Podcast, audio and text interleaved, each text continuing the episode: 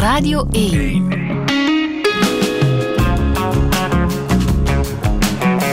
Douche. Met Friede Lesage. Touché met journalist Bruno Beekman. Goedemorgen. Goedemorgen. Bijna 30 jaar lang al aan het werk voor EBU, eh, e de European Broadcast Union. Wat doe je daar nu precies? De European Broadcasting Union is um, een uh, amalgaam van alle Europese openbare omroepen.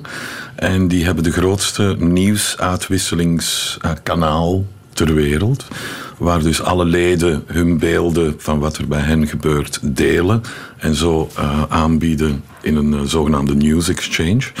Um, ik ben begonnen in Moskou in 1993. Ik was net afgestudeerd als tolk Engels, Russisch en daarna Frans, Nederlands ook aan toegevoegd. En ik kon beginnen werken in het bureau van uh, IBU Moskou, met zicht op het Rode Plein, in een uh, hotel Rassia, dat nu jammer genoeg niet meer bestaat. En uh, IBU Moskou had de eerste satellietantenne die je kon verplaatsen in de ex-Sovjet-Unie. Dus als er iets gebeurde, uh, ik uh, herinner iedereen er graag aan dat het nog voor het internet was. Mm -hmm. Dus alle beelden, video-uitwisseling van beelden gebeurde via een satelliet. Een satelliet is 36.000 kilometer naar boven en 36.000 kilometer naar beneden. Voordat dat beeld terechtkomt um, in Brussel, in Parijs, in Londen. En dus voor alle gebeurtenissen in de ex-Sovjet-Unie, er waren er heel veel in 1993, werden wij uitgestuurd met de satellietantenne. En ik deed dan de logistieke coördinatie voor alle internationale correspondenten, zodat zij hun bijdrage konden doorsturen. Um, via de satelliet en dat ze ook live konden gaan uh, via de satelliet. Wat dus van in het begin heel boeiend was, Friedel. Waarom? Omdat elk verhaal dat wij coverden, kon ik uh, het resultaat zien door de ogen van al die verschillende Europese omroepen. Ah. Dus het ging om één en hetzelfde verhaal, maar dat wordt anders gecoverd door een Zweedse journalist voor SVT, een Noorse journalist voor NRK, uh, een VRT-correspondent, een NOS-correspondent, een Russische correspondent. Hetzelfde verhaal coverde die vanuit hun eigen cultuur en standpunt. Dus dat was heel boeiend, want ik zag onmiddellijk 15 tot 20 verschillende benaderingen en verschillende meningen over hetzelfde verhaal. En dat heeft mij enorm gevormd in die 30 jaar. Ja, en het lijkt bijna ook evident dat jij bij het begin van het uitbreken van de oorlog in uh, Oekraïne, net na de invasie van uh, Rusland, naar Kiev bent getrokken. Was dat op eigen initiatief? Voelde je dat aan van ik moet, ik moet daarbij zijn? Ik uh, was eigenlijk, uh, hadden we het al, al, voorbereid zes maanden daarvoor. Um, nu, ik ben niet beroerd om te zeggen dat ik ook volledig fout was hè, als Rusland-specialist over hoe Poetin uiteindelijk te werk is gegaan. Ja, want Rusland-expert mag ik jou niet noemen. Nee, dat... daarvoor ben ik gewoon te veel fout uh, ook geweest. Nou, uh, ja. en, en, en ook hier had ik nooit verwacht dat het er zo gruwelijk aan toe uh, zou gaan. terwijl veel van mijn Oekraïnse en Russische vrienden hier dat wel wisten. Maar, zoals mijn oud-professor Emmanuel Wagemans mij heeft uitgelegd, je moet je daar niet te beroerd voor voelen, zegt hij. Want wij laten die gruwelijkheden gewoon niet toe. In, dat is voor ons geen referentiekader om, om zulke gruwelijkheden in ogenschouw te nemen. Dat is geen referentiekader. Uh, maar ja, ik was dus ook volledig fout nu. Ik had nooit verwacht. Maar we hadden ons wel voorbereid. Hè, dat uh, als het gaat beginnen. En laat ons zeggen, de dagen daarvoor heb ik wel uh, de, uh, het management van IBU gebeld om te zeggen van ja, nu moet je echt vertrekken, nu moet je echt gaan. En ze hebben dan uiteindelijk pas beslist, um, dus de avond van de invasie zelf. Uh-huh. Dan heb ik een telefoontje gekregen om half acht s'avonds en de volgende ochtend ben ik vertrokken. Maar ook oorlogsjournalist mag ik jou niet noemen, hè? Nee, want dat dekt maar een klein deel van de lading. Uiteindelijk ben ik um, ooit toevallig in de uh, oorlog in Joegoslavië dan in 1994 terechtgekomen, omdat ik de enige persoon was die beschikbaar was op dat moment tijdens een zomervakantie in 1994. Het is ook nooit mijn betrachting geweest om enkel oorlogen, enkel conflicten uh, te verslaan. Ik, ik versla met evenveel passie um, de Eurovoetbal, het wereldkampioenschap voetbal, de Paralympische Spelen in Tokio vorig jaar waren fenomenaal. En dat versla je gewoon met evenveel passie hoor. Een verhaal is een verhaal. Een verhaal kan voorkomen in een conflictzone. Maar niet enkel. Ja. En dus journalist dekt beter de lading. Ja. Hoe zou je jezelf omschrijven als mens? Oh, een wanhopig optimist. Hè? En, en um, dat is eigenlijk een quote van Adriaan van Dis. Een wanhopig optimist en, en ja, heel veel energie, heel veel... Ja.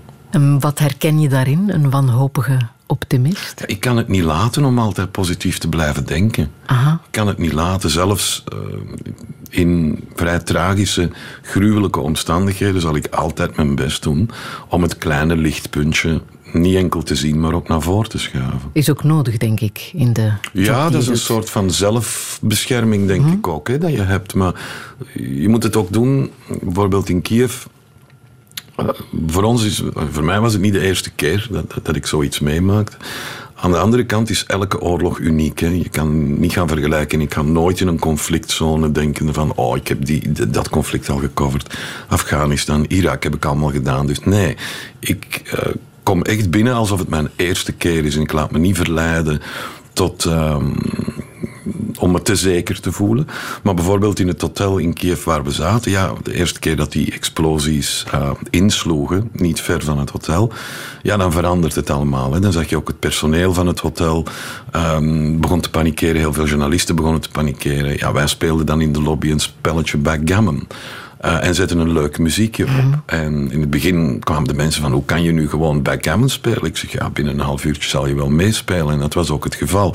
Je moet die normaliteit kunnen terugvinden. Je moet terug mm, rationeel kunnen beginnen nadenken. Want als je enkel door emoties en, en paniek in dit geval laat leiden, neem je heel dikwijls de foute beslissingen. Hoe uh, vrijuit kan jij nu spreken? Want we zijn op de nationale radio, hè, Bruno? Luisteren uh, Russische spionnen mee? Ja, Met wat jij zegt en wat jij doet? Ja, dat denk ik toch wel, omdat zij toch, toch informatie moeten vergaren. Zij moeten toch weten hoe um, het, het, welk beeld er wordt gevormd in België, om dat dan door te mm -hmm. geven. Hetzelfde geldt voor Oekraïnse spionnen. Het is langs, langs beide kanten.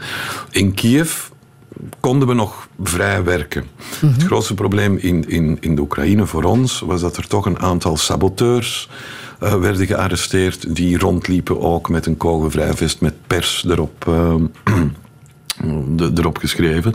Dat maakte ons werk wel heel moeilijk. Want maar ben jij ooit afgeluisterd, gevolgd geweest? Absoluut, ja. ja? ja. En dat gebeurt nu nog?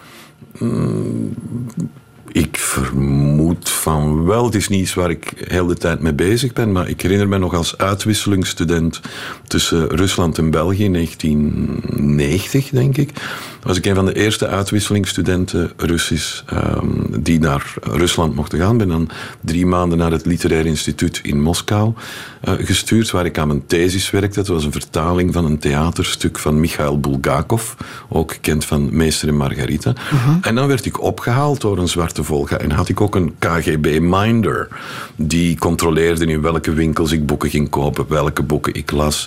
Die had een paar agenten ook in het Literair Instituut die dan gingen brieven wat mijn mening was over dit, wat mijn mening was over dat. Maar uiteindelijk is die KGB-agent een goede vriend geworden daarna. Um, ik ben dan het jaar erop nog eens terug uh, mogen gaan en diezelfde agent kwam me ophalen, maar nu kon ik al bij zijn gezin iets komen eten en zo. Dus, ja. Jij voelt je veilig? Bah, veiligheid is een illusie. Hè? Uh, Ernest Hemingway zei dat. En ja, ik vind dat ook. Ik vind, als ik bijvoorbeeld een paar weken geleden terug, twee weken geleden terugkwam uit Kiev en uh, ik moest de dag erop naar Brussel en ik reed over de ring van Brussel, daar heb ik doodsangsten aangestaan die ik ook gerust uh, ja. Dus het gevaar zit overal. Mm -hmm. je, uh, ja, veiligheid voor mij is iets heel... Nee, uh, zoiets als hoop. Dat is iets vrij gevaarlijk. Bruno Beekman, welkom in Touché.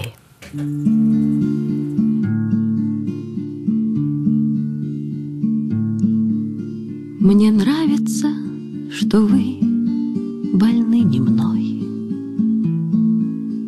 Мне нравится, что я больна не вами, Что никогда тяжелый шар земной Не уплывет под нашими ногами.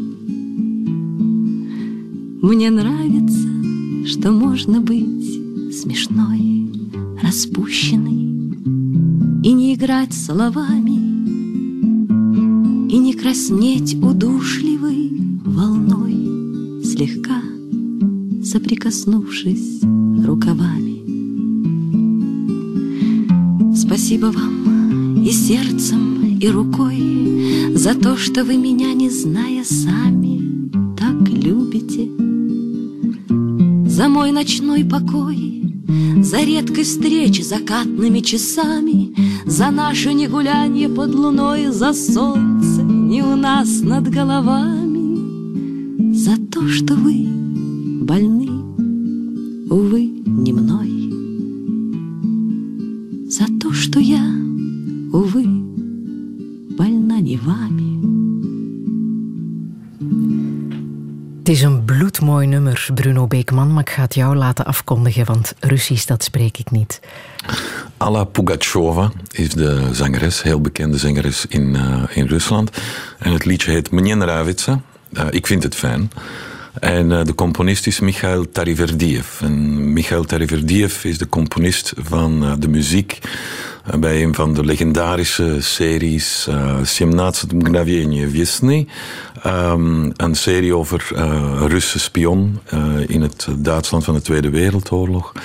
En, um, maar dit lied heb ik eigenlijk uitgekozen omdat in, in, toen ik Russisch ben beginnen studeren aan de Katholieke Vlaamse Hogeschool nog in, in Antwerpen, um, ja, ben ik bij, na mijn eerste bezoek aan Rusland in 1989 gewoon hals over kop verliefd geworden op het land, zijn inwoners, zijn cultuur. En zoals ik daarnet vermeldde, toen ik uh, mocht gaan studeren aan het Literair Instituut in Moskou, kwam ik dus terecht in een wereld die ja, volledig nieuw voor ons was. Hè. 19, moet toch wel terugdenken, 1990, juist het einde van de Koude Oorlog. En dus um, in het um, studentenhome van het Literair Instituut kwam ik dan terecht met dichters en schrijvers uit Tajikistan, Oezbekistan, Kyrgyzstan, Georgië, Azerbeidzjan. Oh, kuifje, hè? Um, kuifje in Wonderland. En dit lied is vooral populair ook rond de oudejaarsperiode, las ik. Ja, ja is uh, heel populair rond de uh, oudejaarsperiode. Ook voor het lied gaat hij eigenlijk over um, een, een, een koppel uh, dat dus zegt van ja, ik ben heel blij dat wij nog niet verliefd op elkaar zijn, dat wij rustig met elkaar kunnen omgaan en alsof er niks aan de hand is. En op het einde zegt ik vind het heel spijtig dat we eigenlijk zo gewoon met elkaar omgaan. En dat is meestal rond nieuwjaar ook van ja, iedereen die er niet kan bij zijn, die er niet is, uh, wordt, wordt um, via dit nummer toch ook aanwezig geacht. Ja. Het nieuws vandaag is dat um, Kiev terug in handen zou zijn van het Oekraïns leger. Um, maar er is natuurlijk een spoor van ellende dat we nu ook te zien krijgen. Hè. De beelden die binnencijpelen zijn hartverscheurend. Hoe kijk jij daar als, uh, als journalist naar, die beelden uit Kiev? Het is, het is geen verrassing. Ik had die um, een soortgelijke relatie al gehoord twee weken geleden van mensen, van vluchtelingen die uit Mariupol en uit uh, kwamen. Um, het staat in het uh, noordwesten. Um, en die hadden zulke verhalen al dat ze gewoon um, zonder onderscheid mensen uit kelders plukten, neerschoten op de straat. Uh, alle maar jij bent in die straten geweest, jij was in Kiev. Een paar weken geleden nog. Ja, dit is iets buiten Kiev, hè, dus 29, uh, 29 tot 30 kilometer ten noordwesten van Kiev. Uh -huh. uh, plaatsen zoals Irpin, heel belangrijk. Uh, Bucha, eigenlijk de toegangsweg vanuit het noorden-noordwesten. Um, ja, pure vernietiging, maar vooral het toont eigenlijk de hopeloosheid aan ook. Hè, want er, uh, zulke dingen doe je enkel als er geen centraal gezag is. Dit lijkt veel meer op anarchie dan om een, op een... Um, georganiseerde militaire operatie. Um, de vluchtelingen vertelden me ook dat het eerste wat de Russische troepen vroegen was eten. Maak, uh, maak eten voor ons klaar, want wij hebben gewoon honger. En die gingen op zoek. Uh, het eerste wat ze deden was winkels plunderen. Gewoon op zoek naar eten. Dus ja, dat, dat wijst er nogmaals op dat het, ja, de operatie of niet goed was voorbereid, of de bevoorrading uh -huh. um, niet goed uh, werkte. En wat wil dat nu zeggen volgens jou? Dat ze zich terugtrekken? Wat terugtrekken kan ook een hergroeperen zijn. Hè. Ze rekenen er ook ergens op, denk ik, dat de oorspronkelijke interesse in het verhaal in de Oekraïne gaat een beetje verminderen. En dat is normaal, want de concentratie van mensen um, uh, wat betreft nieuwsfeiten ja, is ook maar beperkt. En, en, en dat is zeker geen oordeel. Um, is beperkt. Dus die interesse gaat een beetje naar beneden. En zij willen gewoon misschien tijd winnen.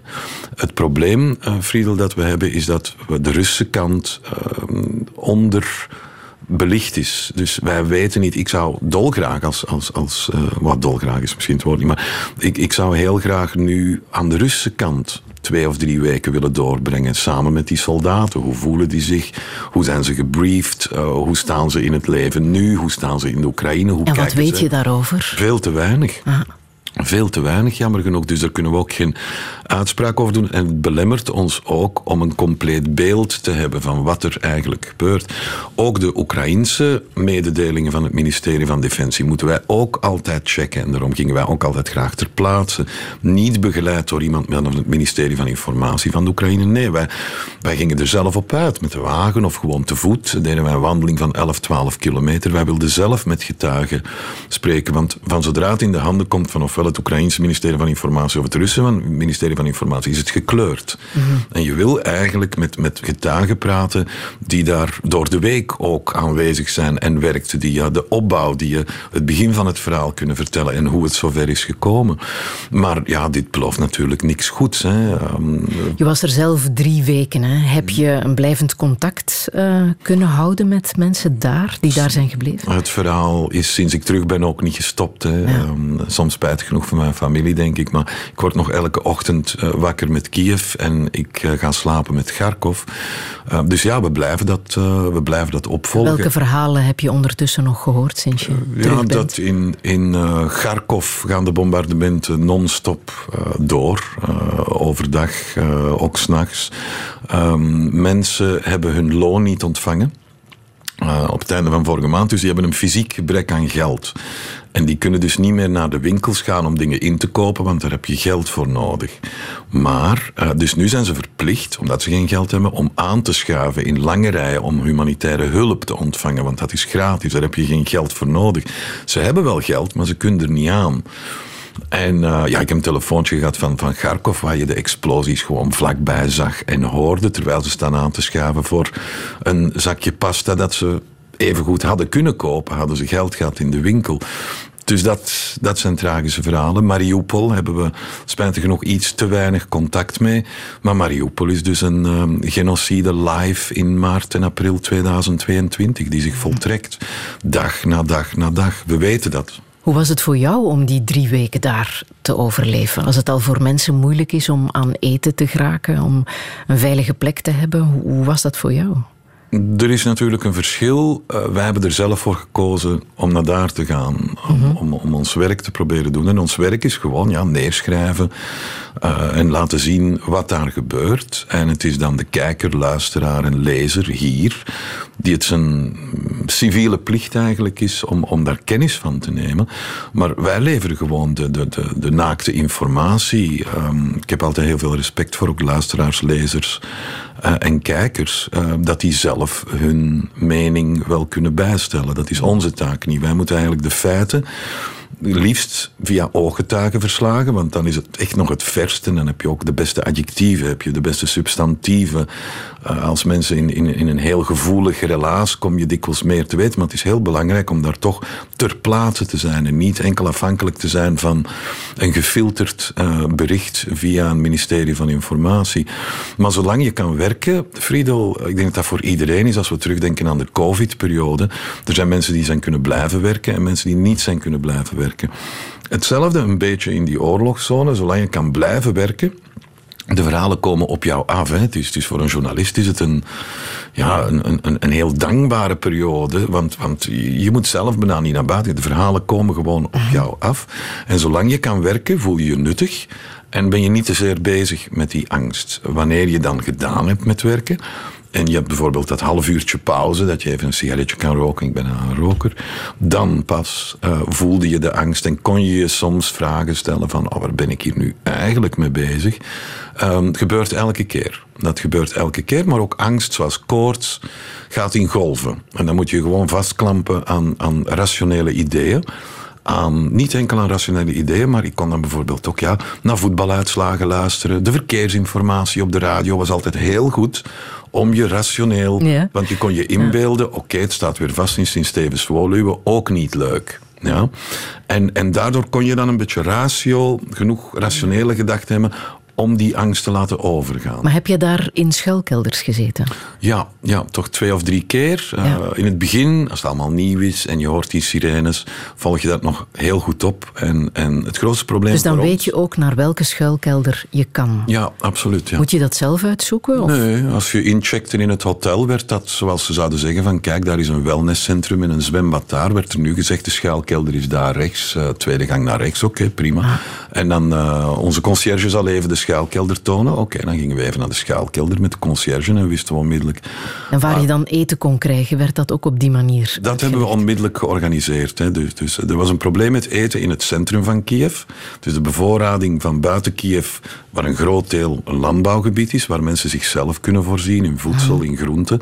Dan eh, hebben we met alle journalisten, waren ongeveer nog 25 eh, toen wij zijn aangekomen, geld samengelegd, ongeveer 3000 euro, drie- eh, in samenspraak met... ehm, de directeur van het hotel hebben we dan drie vrachtwagens gehuurd. Die zijn dan naar buiten gereden, binnengekomen met 180 kilo aardappelen, 400 kilo dit. En, en dan konden we wel lange tijd door. Want dat is natuurlijk van levensbelang. Hè? Dus het, het, het goede eten hebben. We hadden één warme maaltijd per dag om zeven uur, het ontbijt.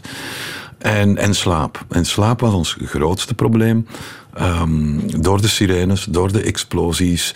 Ja, sliep je soms in, in zeven stukjes of in zes stukjes. Kwam je dan aan vijf uur slaap. Dus eerst twee uur. Dan eh, eh, luchtalarm. Dan moest je naar beneden lopen. Kogelvrij vest. Naar die kelder. Vier verdiepen. Vier verdiepen terug naar boven. Dan kon je weer twintig minuten slapen. Hup, na twintig minuten weer terug naar beneden. Naar boven. Enorm. ehm, eh, dat was het grootste probleem eigenlijk. Omdat je gewoon voelt, ik heb die slaap nodig. Net zoals je slaap hier nodig hebt. Dat is net hetzelfde. Oh, the little things you say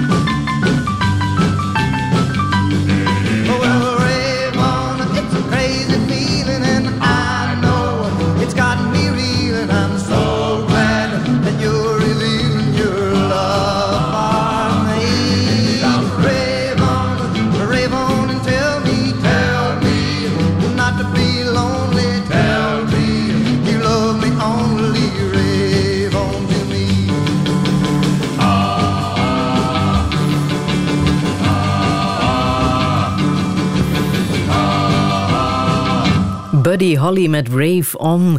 Bruno Beekman, is dit de radio-dj in jou die hier naar boven komt? Ja, absoluut. Ehm, Want je hebt ook radio gedaan. ik heb eh, radioprogramma's gehad in binnen- en buitenland. Ehm, de eerste radio heb ik gisteren nog gecheckt met mijn goede vriend Aldo Straaf. eh, was Delta Radio in Antwerpen. Dan Radio Centraal in eh, Antwerpen. Ah. En dan heb ik in Rusland ook een eh, programma gehad op een radio SNC. Dat was een eh, vrij grote eh, radio. Waar je dan in het Russisch presenteerde? ja in het Russisch presenteerde. En eh, ja, voor liefde voor Buddy Holly herinner ik mij. Eh, mijn vader had een fantastische collectie singles. ehm, eh, Everly Brothers, Buddy Holly, Little Richard. En ik herinner me, denk ik, op zevenjarige leeftijd, dat moet dan 1975 of 76 geweest zijn, toen mijn vader dit nummer van Buddy Holly, ja, dan werden er heel veel dingen ineens duidelijk. En ik heb een enorme voorliefde voor de pure 50s rock and roll, um, die toch heel hard stoelt ook op de blues en op de. En Buddy Holly is een ja, toch altijd een constant companion geweest op uh, al mijn reizen. Het was ook iemand die Um, in het Amerika van de jaren 50 enorm veel optrok met zwarte artiesten. Uh, dus Sam Cooke bijvoorbeeld. En die verbleef heel veel in uh, hotels. De hotels waren gescheiden, dus je had hotels voor blanke, hotels voor zwarte. En die verkoos altijd om in die zwarte hotels te blijven. Maar dan moest Sam Cooke aan de eigenaar vragen of het wel oké was dat de blanke Body Holly in het hotel mocht blijven. Gewoon omdat hij daar was hij veel dichter bij zijn roots, bij de muzikale roots. En daar was het hem enkel om te doen. Dus veel te jong gestorven natuurlijk. Maar uh, ja, zijn erfenis blijft nog elke dag in mijn geval toch wel doorleven. Ook. En dat jij als uh, jonge man uh, hebt beslist eind jaren tachtig om Russisch te gaan studeren. Waar had dat mee te maken? Oh, dat had alles te maken met de persoon die me inschreef op dat moment. Marcel de Hert. Ons jammer genoeg ontvangen, ontvallen. Die, um, ja, die sprak vijftien talen zelf. En dat was de docent-professor uh, van, samen met Marleen Sas, uh, van Russische grammatica. In, um, en ja, toen ik voor hem zat, en ik wist eigenlijk nog niet precies of ik Russisch wilde doen, maar wel talen. En dan heeft hij mij overtuigd om, om uh, Russisch en daar ben ik hem eeuwig dankbaar voor. Want hoe interessant was dat toen in 87 om Russisch te studeren? I lost cause. Nee, ik herinner mij de bezorgde blik uh, op het aangezicht van mijn beide ouders, die toen ja. nog meegingen om in te schrijven, uh, waar mijn vader toch wel meewarig knikte van ja, er gaat geen return on investment op dit kind zijn.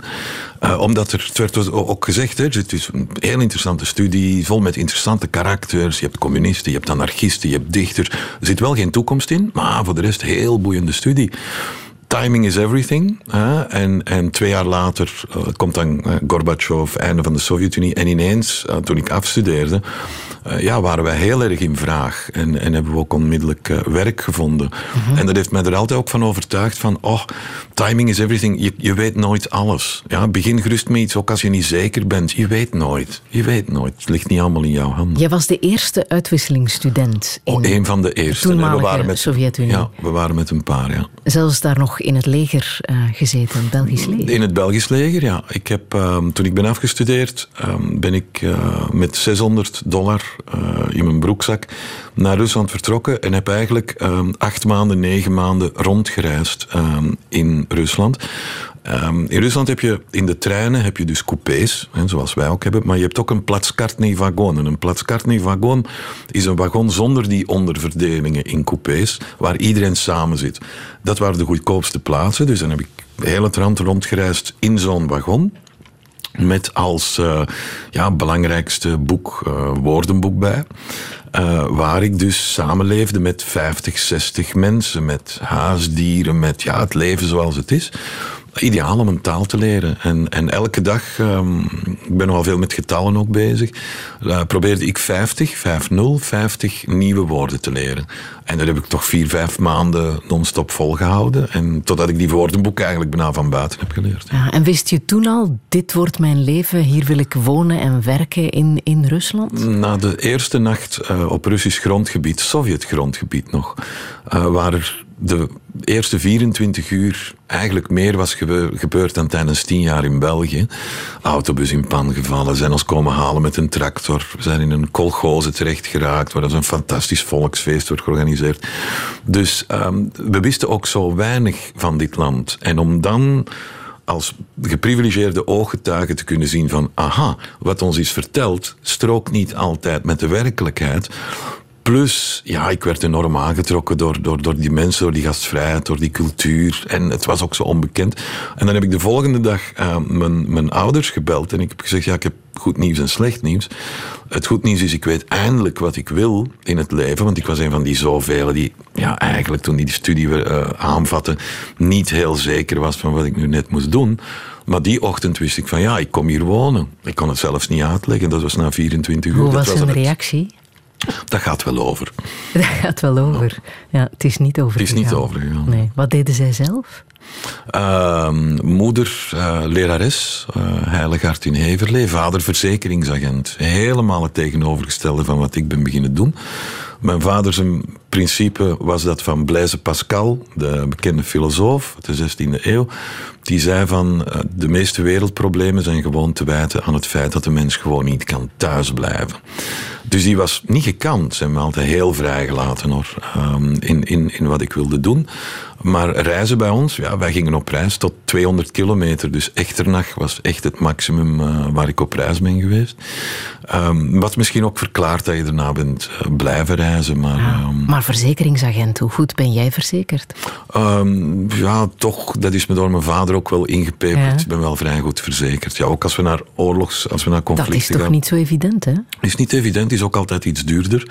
En als freelance reporter sluit ik zelf mijn verzekering ook af, ja. Ah, hoe doe je dat? Oh, gewoon, klik, klik. Dat is, dat is op, nee, ik bedoel, dat is op ja. uh, 20 minuutjes heb je een uh, verzekering. Maar dat bestaat, een soort oorlogsverzekering. Ja, ja. via uh, Reporters Without Borders, dus Reporters Zonder Grenzen. Dat is een, een, een, organisatie die toch instaat voor de belangen verdedigt van vooral freelance journalisten die in conflictzones gaan werken.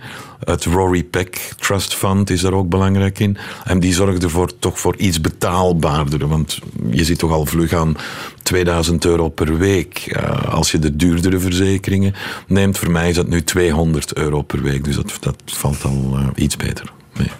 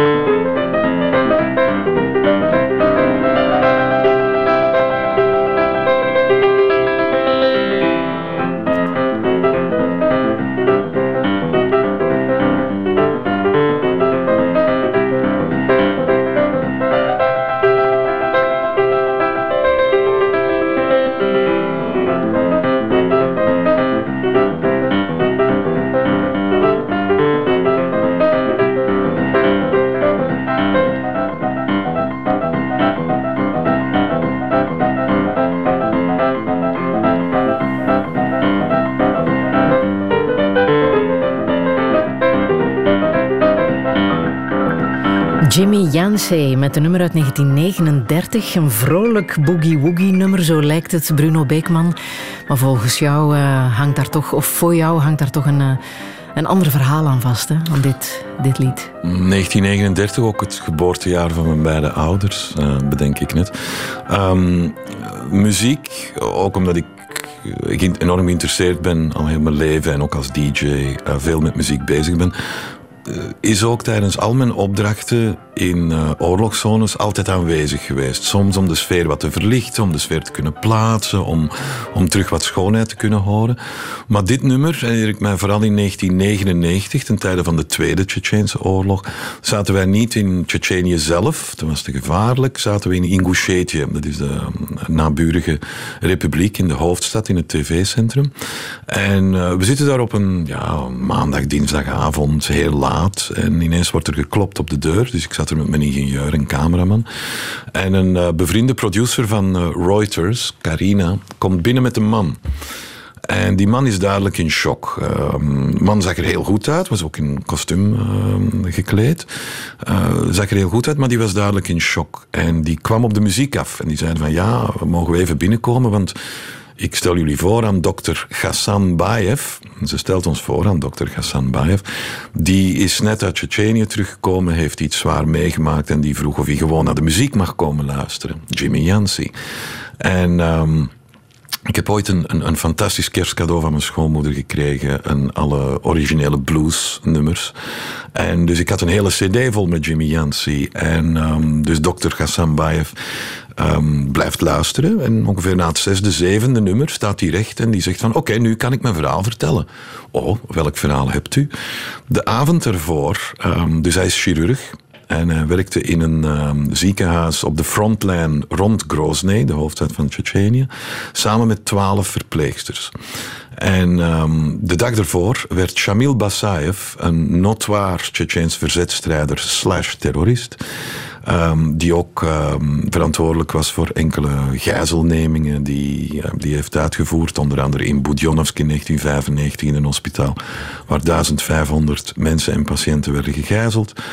Um, die werd de dag ervoor werd die binnengebracht in het hospitaal van onze dokter. En die zijn voet moest geamputeerd worden. En heeft die voet dan geamputeerd met enkel lokale verdoving. Uh, er bestaat ook een film over. Um, gefilmd door cameraman Adam Tseporgirov uh, van Reuters, die daarna jammer genoeg overleden is, een paar dagen daarna trouwens. Maar het is een onvoorstelbaar document dus, hè, hoe, hoe Shamil Basayev het hoofd cool-out terwijl zijn voet wordt geamputeerd met enkel lokale anesthesie. En tijdens die operatie wordt het hospitaal gebombardeerd. En dan gaan de dokter, dus onze dokter, met de twaalf verpleegsters gaan naar buiten. En die twaalf verpleegsters nemen plaats rond de dokter, zodanig dat de brokstukken de dokter niet kunnen raken, want hij is de enige dokter. Daar zijn ook twee verpleegsters bij omgekomen. En dan zijn ze gewoon verder weer terug binnengegaan om die operatie verder te zetten. En dat verhaal heeft de dokter verteld uh, na Jimmy Yancey en na een uur geluisterd te hebben naar, naar muziek, naar iets, iets anders. Want op een bepaald moment ja, soms is het verhaal zo sterk dat je of de woorden niet vindt, of, of je vindt het gehoor niet. Je moet ook zelf jezelf de tijd geven eer dat dat verhaal naar buiten kan komen. En ik merk dikwijls toch door kunst, door muziek, kan ook een balletvoorstelling zijn, kan een schilderij zijn. Ja, gaan er toch deurtjes open van de ziel die niet open gaan door enkel ja. rationele overwegingen of gedachten. Zo. En, en, en ook daarom is muziek ook zo belangrijk. Ja. Je hebt ondertussen verschillende oorlogen meegemaakt. Hè? De eerste keer dat, dat uh, zoiets gebeurt, dat je er zelf middenin zit, dat je zelf bijna betrokken partij bent als, als verslaggever. Weet je dat nog? Uh, juli 1994, denk ik, werd ik uitgestuurd. Toen woonde ik in Moskou. En werd mij gevraagd om naar Sarajevo te gaan, um, om, om iemand te vervangen. Nu, ik was echt een rookie. Uh, ik, was, ik was net beginnen werken. Ik werkte nog minder dan een jaar. Jonge twintiger was je dan? Jonge ja. twintiger, ja, ja, 25. En um, werd ik naar Sarajevo dus gestuurd. Um, en nou, daar werkten we vanuit het tv-gebouw van de lokale tv. Uh, op 400 meter, denk ik, van de frontlijn met de Serviërs dan. Um, ja, ik herinner me nog de aankomst. Je komt aan aan de luchthaven en van de luchthaven word je uh, naar het tv-gebouw gebracht terwijl je op uh, de grond ligt in een auto. Je ligt dus op de bodem. En die reed met denk ik 120 per uur om daar twee kilometer over te doen. Terwijl er dus echt live kogels door snipers uh, in de auto uh, terechtkwamen. Dus dat is de eerste keer dat je zoiets meemaakt. En dan kwam je in het tv-centrum aan. En ook daar, um, dag twee of dag drie, je, was er de eerste explosie. De eerste explosie die ik dan heb meegemaakt. En dat is toch wel een heel bepalend moment. Als je dus beseft, oké, ik ben een verhaal aan het coveren. Uh, naar het schijnt zou hier wel oorlog kunnen van komen. Maar de eerste keer als je een inslag vlak uh, bij hebt, ja, dat verandert alles. Want dan kan je niet meer zeggen uh, dat het niet gebeurt. En, en, en, en ook voor jezelf. Dan, dan pas, het is alsof je dan pas het, het, gevaar beseft. Als het gebeurt. En uh, ja, toen ook muziek. Hè. Ik herinner me nog na die explosie speelde er een nummer van de Franse groep Catonoma. Lady of Guadeloupe, geloof ik. Eh, dus die explosie is gedaan. Na anderhalve minuut gaat het stof liggen. En die muziek blijft verder spelen. En ook door die muziek had je terug een houvast. Dus was die angst weg, was die paniek weg. En kon je terug, oké, je bent hier om te werken. Je gaat nu verder werken. En dan gaan we een tas koffie drinken. Oké, paf. Dus weer al door kunst iets hoger, hè? Iets, Ja. iets, iets mooi. Ja. Iets mooi. Maar toch ook al een paar keer ja, de dood eh, in de ogen gekeken, denk ik. Hè? Een keertje een, eh, een geweer tegen je hoofd gaat. eh, dat ze jou voor iemand anders eh, verdachten. Wanneer was dat? Hoe, hoe kwam dat? Dat was op, denk ik, 23 of 24 september. Jij weet echt nog exacte datums. Ja, dat is belangrijk. Eh, 23, 24 september 2001. Dus dat is vlak na 9-11. Ja. werden we uitgestuurd naar Afghanistan, Noord-Afghanistan. En eh, u weet dat, of eh, twee dagen, dus op 9 september, is het hoofd van de Noordelijke Alliantie in Afghanistan, eh, Sheikh Massoud, eh, die is toen vermoord. Die is vermoord door eh, twee mensen die zich voordeden als journalisten. Met Belgische paspoorten gestolen op, in de Belgische ambassade in Luxemburg. En dus ik kom daar dan twee weken later binnen in datzelfde kantoortje waar Sheikh Massoud dus was vermoord. En ja, niets vermoedend, vragen de paspoort en ik haal mijn paspoort naar boven. En het volgende moment ja, lig ik op de grond met twee geweerlopen eh, in je nek. En je begrijpt er niks van. In het begin begrijp je niks van. En dat was eigenlijk het probleem van oké, er gebeurt hier iets. Het kan, het kan heel slecht aflopen. En ik ga nooit weten waarom. Ehm, maar toen was er toch iemand, en die spraken ook Russisch. Ehm, veel van die Afghanen, vooral Noordelijke Alliantie, spreken Russisch. En die legde het me direct uit. Ja, je hebt dezelfde paspoort. Heb jij ook zo'n paspoort? En waar zijn je wapens? Eh, direct, ik had een fotoapparaat bij, werd helemaal uit elkaar gehaald om te zien dat er niks in. En gelukkig hebben we dan ook, door het feit dat ik Russisch sprak, kon ik direct antwoorden. Ik zeg van nee, dat is een vergissing. Ik was twee weken geleden daar, maar op, doe, u maar, doe, doe met mij maar wat u wil. Ik begrijp dat u zich zorgen maakt en ik sta volledig ter uw beschikking. Als ik iets kan doen, moet je heel cool blijven. Eh, en dat gebeurde dus en dan was het ook direct eh, terug twee, drie minuten later was het opgelost. Ja. Ja, dankzij het feit dat je Russisch spreekt. Ja, waarschijnlijk niet alleen hoor. Ze hadden het waarschijnlijk wel niet gedaan, want het was wel... Maar ja, waarschijnlijk. Hè. Ja. Dat, dat weet je niet. Hè. Maar je komt in omstandigheden terecht. Ja, dat je, het, eh, je, je weet niet altijd alles hoor. Mhm. En dat oude vrouwtje van 80 dat jouw leven heeft gered, was dat ook dankzij het feit dat je met haar kon communiceren? Dat, ja, dat weet ik eigenlijk niet. Want ik, ik weet ook niet wat ik anders had gedaan, hè, natuurlijk. Maar, maar dat, was, dat was in Grozny eh, in 1994. Toen eh, het gebouw waar we zaten onder vuur werd genomen. En ehm, ja, er zaten toch wel 40 tot 50 eh, mensen, ook vluchtelingen, maar vooral Russen trouwens. Hè. Vooral Russen, etnische Russen in de Tsjetsjeense hoofdstad. Want de Tsjetsjenen zelf, die hadden familieleden in de bergen. Dus die konden voor het offensief gaan lopen. Hebben ook voorgesteld aan de Russen om mee te gaan naar de bergen. Dat is dan niet gebeurd. Uh, dus die zijn gebleven, uh, samen met ons, een groot deel van de journalisten. Dus ja, wij moesten het gebouw uitgaan. En de grote meute uh, loopt naar rechts. En ik zie dat oude vrouwtje, dat ik ondertussen ook al een week of tien dagen kende. Dus je kent die mensen ergens. En die vroeg mij gewoon heel vriendelijk: Oh, als je niet erg vindt, kan je me even van de trap naar beneden? Ja, bon, gentleman is a gentleman. Dus uh, je wacht en dan ben ik heel traag met haar naar beneden gegaan. Om dan uh, ja, naar links af te slagen en niet naar rechts. Ze zei van: Nee, nee, iedereen gaat naar rechts, maar ik ken de weg. En wij gaan naar links. Mijn appartement is naar links.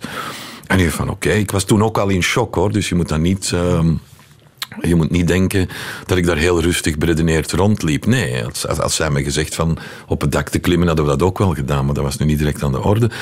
Um, en dan zei ze nee, wij gaan naar links, want wij weten waar we naartoe gaan. Zij weten dat niet. En dan ben ik altijd blijven herinneren van... Ja, ik ben ook licht allergisch aan paniek, omdat je weet het niet. Hè. Het, is gewoon een, een onbesuisde reactie waar een kuddegeest dan, dan geldt. Dus dan zijn wij naar links gegaan en ik denk ongeveer 30 seconden later is er een uh, Russische straaljager boven... Um, die heeft van boven twee, drie toch wel enorme bommen. Um, die dan op die mensen terechtkomen die naar rechts waren gegaan.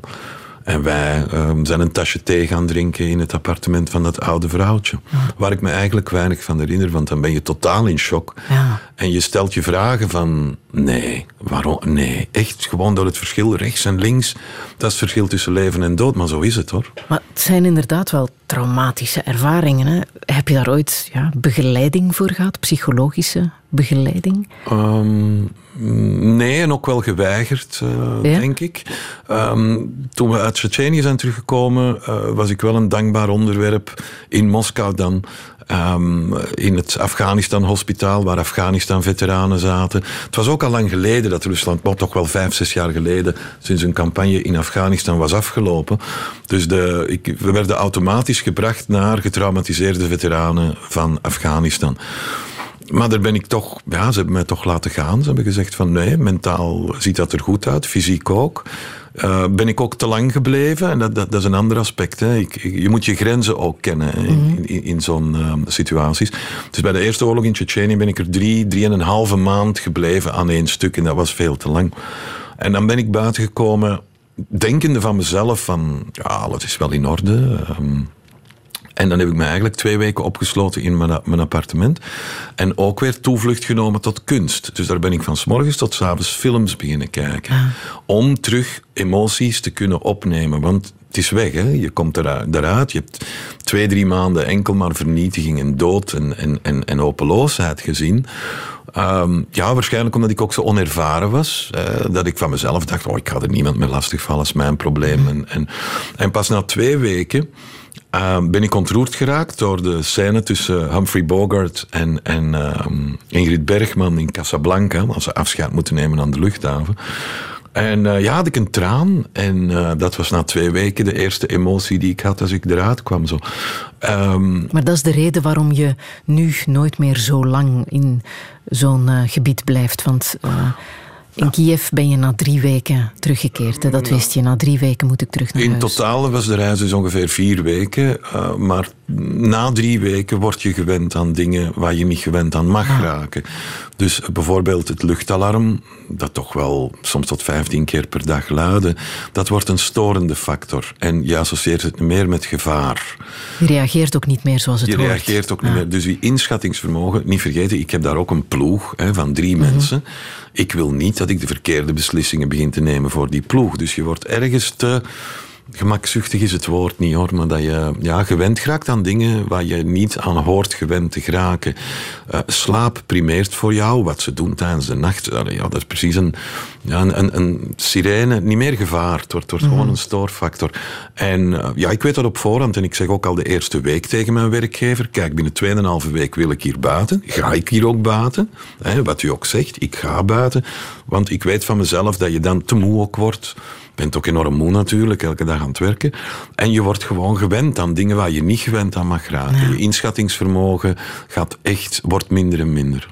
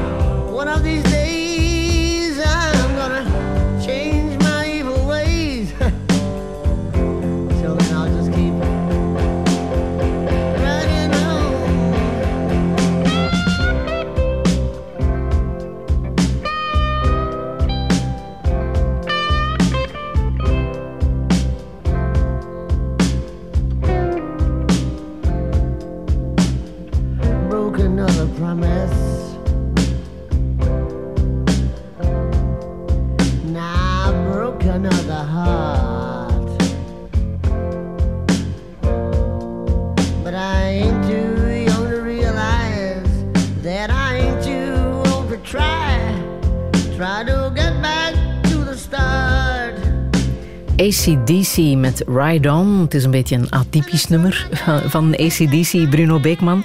Wat heeft betekenis voor jou, hè, dit nummer? Uh, dit nummer, de, mijn moeder vertelde me dat de eerste keer dat ik Bon Scott, hè, de original lead singer van ACDC, um, tijdens een uitzending van het fenomenale Avros Top Op met Ad Visser in 1978 zag, dat het leek alsof ik van de grond werd gelift. Ja. Eigenlijk. Zo groot was de ja, bewondering.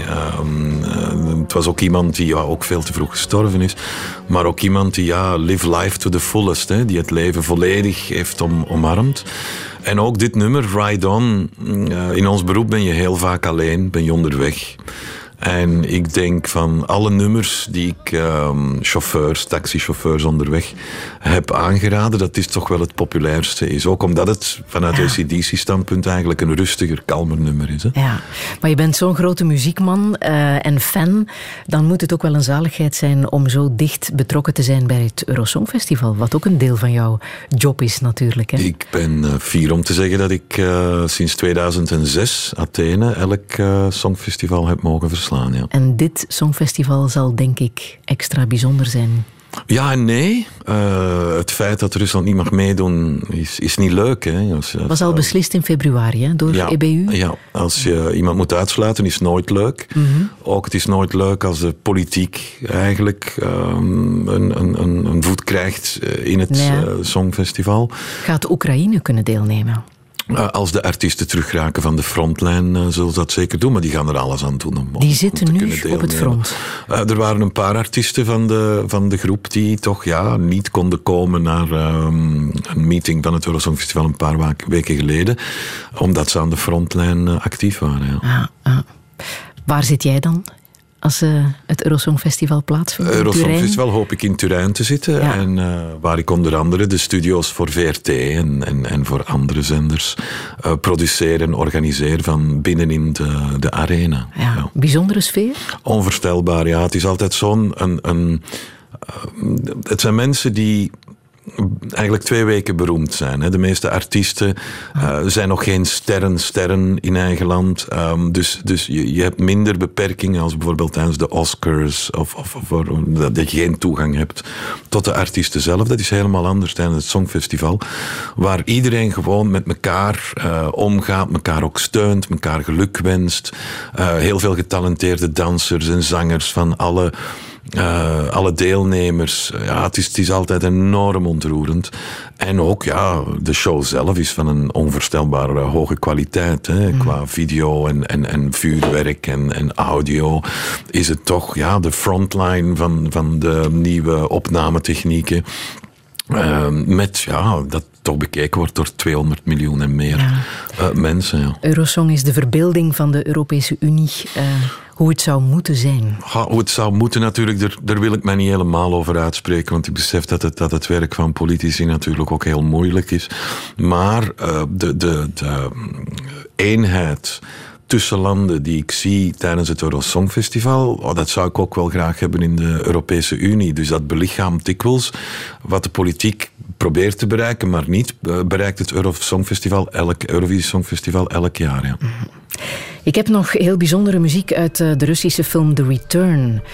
De naam van de regisseur mag jij uitspreken? Zvjagintsev, Andrei Zvjagintsev. ja. Eerste Russische film die een Gouden Leeuw kreeg op het filmfestival van uh, Venetië. Een heel bijzonder verhaal ook, hè, van een vader die na twaalf jaar afwezigheid terug thuis komt en zijn twee tienerzonen meeneemt naar een eiland om daar hen te onderwerpen aan een, een serie proeven. Een film die ook bij jou enorm veel indruk heeft gemaakt. Hè? Omdat hij zo eenvoudig ook is. Hè. Het wordt heel eenvoudig voorgesteld en ja, het raakte toch wel een persoonlijke noot, deze film. Ja. Hm.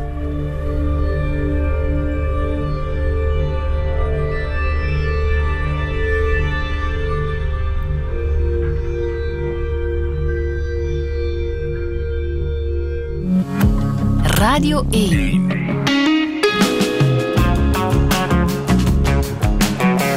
Douche. Met Friede Lesage.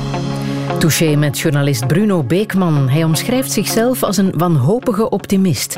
Een term die ook goed past bij de Oekraïners. Het volk dat hij net na de Russische invasie ter plekke ging opzoeken. Zelf woonde hij twaalf jaar lang tussen de Russen. Dat twee landen nu zo tegen elkaar worden opgezet, kan hij alleen maar verwerken met muziek, de Rubik's Kubus en zijn longboard. Maar hoe moet het verder? Hoe zal het verhaal van Poetin eindigen?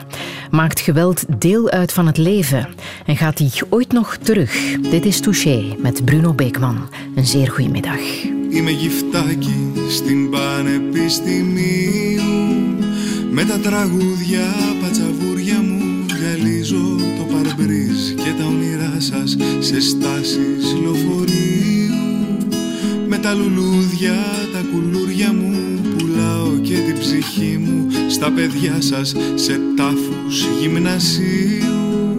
Τα σουσαμένια μου μπουμπούκια βουτυγμένα σε χολή Γλώσσας σφουγγάρι δαίμον του κηλικίου Στον μαύρο πίνακα καρφώνω Τους σπασίκλες μαθητές και τα τσιράκια Του άρχοντα ηλιθίου. Τους σκοπαδίτες, τους μουγκούς, τους σιωπηλούς πλειοψηφούντες Δουλειές με φούντες, μπαίνω με τα τσαρούχια Στο σαλονάκι της Ευρώπης. Μια ζωή Πρέτα πορτέ με περιμένει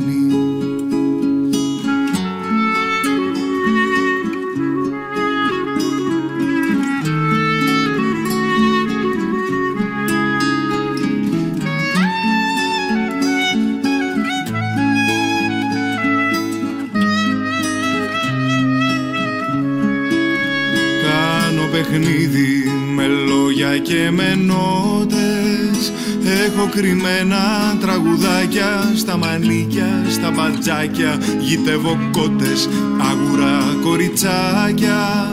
Και τα φυτεύω στο κρεβάτι με τα κέρατα να εξέχουν στα τασάκια από έρωτες καπότες με γουρουνάκια, κουμπαράδες να κυλιέμαι στα λεφτά.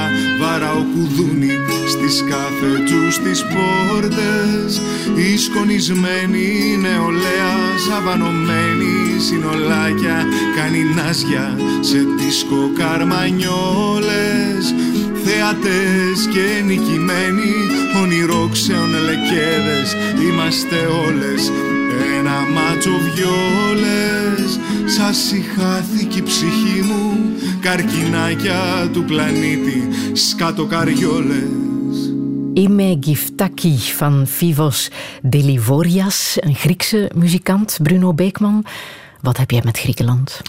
Tussen 2005 en 2009 woonden wij in Thessaloniki, uh, Noord-Griekenland. Um, en we zijn naar daar verhuisd. We hebben altijd een verhaal nodig in de buurt. Uh, voor journalisten is het heel belangrijk om proberen eerst te zijn of zo vlug mogelijk te zijn. En op ongeveer 1 uur en 40 minuten rijden van Thessaloniki ligt Pristina, Kosovo. En tussen 2005 en 2009, de weg naar de onafhankelijkheid in Kosovo, was er wel wat journalistieke interesse. En voor freelance journalisten was dat dan een, een, een, ja, een bestemming die, er, die wel interessant was. En um, wij waren vanuit Thessaloniki altijd de eerste. Als er iets gebeurde in uh, Kosovo, moesten de meeste journalisten komen uit Athene of uit Wenen. Dus dat was een vlucht, dat was minstens vijf, zes uur. Dus wij hadden altijd drie tot vier uur voorsprong. Mm als we naar uh, Kosovo gingen. Um, en waar we dus, ja, ik denk 42, 43 keer in totaal zijn gegaan op vier jaar. Maar ja, ik heb dus een, een, een band met Griekenland. Uh, niet onmiddellijk met eilanden en zo ken ik eigenlijk niet zo goed. Het vasteland kennen we beter. Dus van Athene tot, um, tot Thessaloniki. Thessaloniki is speciaal omdat dat deel van Griekenland is het langst heeft het langst behoord tot het Ottomaanse Rijk. Dus pas in 1922 eigenlijk heeft ook Thessaloniki, was de tweede stad in het Ottomaanse Rijk, was de stad waar de sultan graag ging uitrusten in het weekend, was iets buiten Istanbul of Constantinopoli, zoals de Grieken zeggen. En uh, ja, Griekenland is vooral het licht, herinner ik mij. Hè. En, en als ik naar mijn kinderen zie, zie ik ook dat dat verblijf voor hen wel het meest ingrijpende verblijf was. Uh, Uh, die vier jaar in Griekenland. En dat komt vooral door het licht. Ja. 340 dagen zon per jaar, dat doet iets met een mens. Ja. Daarvoor woonde je in Genève, Ja, Moskou. waar het hoofdkantoor is van eh, EBU. En daarvoor in, In Moskou. Was dat de logische evolutie dat je van Moskou naar Genève, naar Thessaloniki zou verhuizen? Helemaal niet. Ehm, maar ja, eh, Zwitserland, een, een, een fantastisch land. Maar ja, in Moskou was ik freelance en werkten we eigenlijk met een groepje vrienden. Eh, in een bureau dat heel succesvol was, waar ook een Vlaming aan het hoofd stond, Dirk Verhulst. En Karin Meulemans, ehm, vrouw van Jan Baljouw, die we er net VRT-collega. VRT-collega, die we er net in het nieuws hoorden. Die eh, werkte eigenlijk bij de European Broadcasting Union voor ik er ben eh, beginnen werken. Maar hoofd van het bureau was Dirk Verhulst. En ja, dat was eigenlijk een fenomenale sfeer waar zoveel werk was en zoveel interessante opdrachten. Want wij deden niet alleen conflicten. Hè. Je gaat van een conflict naar een literair festival, naar een filmfestival, terug naar een conflict, naar een voetbalmatch, naar een conflict, naar een filmfestival. Zolang je maar niets aan iets gewend raakt. Eh Genève, ja, heel, heel mooie stad. Zwitserland natuurlijk prachtig, maar ja, het eh, bureau, het vastzitten op het bureau was, was, was niet Dat eh, onmiddellijk. lijkt Nee. me inderdaad niks voor jou. Nee, was, was, was niet Maar als ik jou hoor vertellen over de Russen, dan hoor ik toch heel veel warmte en liefde voor, voor dat volk. Hebben wij daar een verkeerd beeld van? Mm, dat weet ik niet, maar, maar het was van in het begin, dat deed me ook bij heel veel plezier in de Oekraïne eh, om te zien. En de Tsjetsjenen zeiden net hetzelfde hoor, eh, in 1994. Dit is geen oorlog van het Russische volk, dit is een, een oorlog van hun leiders. En kijk eens hoeveel medelijden wij moeten hebben met de Russen, want hun eigen leiders doden hun eigen burgers. Ho, die hebben pas pech. Ja, zo, zo werd het ook in de Oekraïne gezegd. Die hebben pas pech. En ergens als we naar de toekomst eh, kijken, zie ik bijvoorbeeld een scenario waarbij mm, ja, heel binnenkort Russen richting Oekraïne gaan vluchten om in veiligheid te zijn voor de repercussies eh, binnen hun eigen land. Eh, voor de rest is het moeilijk om, om, om in de toekomst te kijken, omdat we ook weinig informatie hebben. Maar absoluut, ik heb een enorm warm hart voor de Russen, de Russe cultuur. eh, de gastvrijheid blijft fenomenaal, hè, eh, verandert eh, niet. Maar ja, een zekere vorm van medelijden kan je er nu wel mee hebben natuurlijk. Hè. Kijk naar de meeste militairen, Friedel, die nu in de Oekraïne zijn, dat zijn dikwijls 17, 18, 19-jarige jongens uit kleine dorpjes uh, uit de Oeral en Siberië, waar nog geen asfaltwegen zijn, die helemaal verkeerd waren gebriefd. Ja, wie doet zoiets? Hè? Je eigen mensen op zo'n missie sturen en ze dan verkeerd brieven, omdat het past in jouw propaganda. En dat verklaart ook een beetje hoe ze zich zwaar misrekend hebben. Natuurlijk. En hoe zal het Poetin vergaan, volgens jou, denk je? Hmm.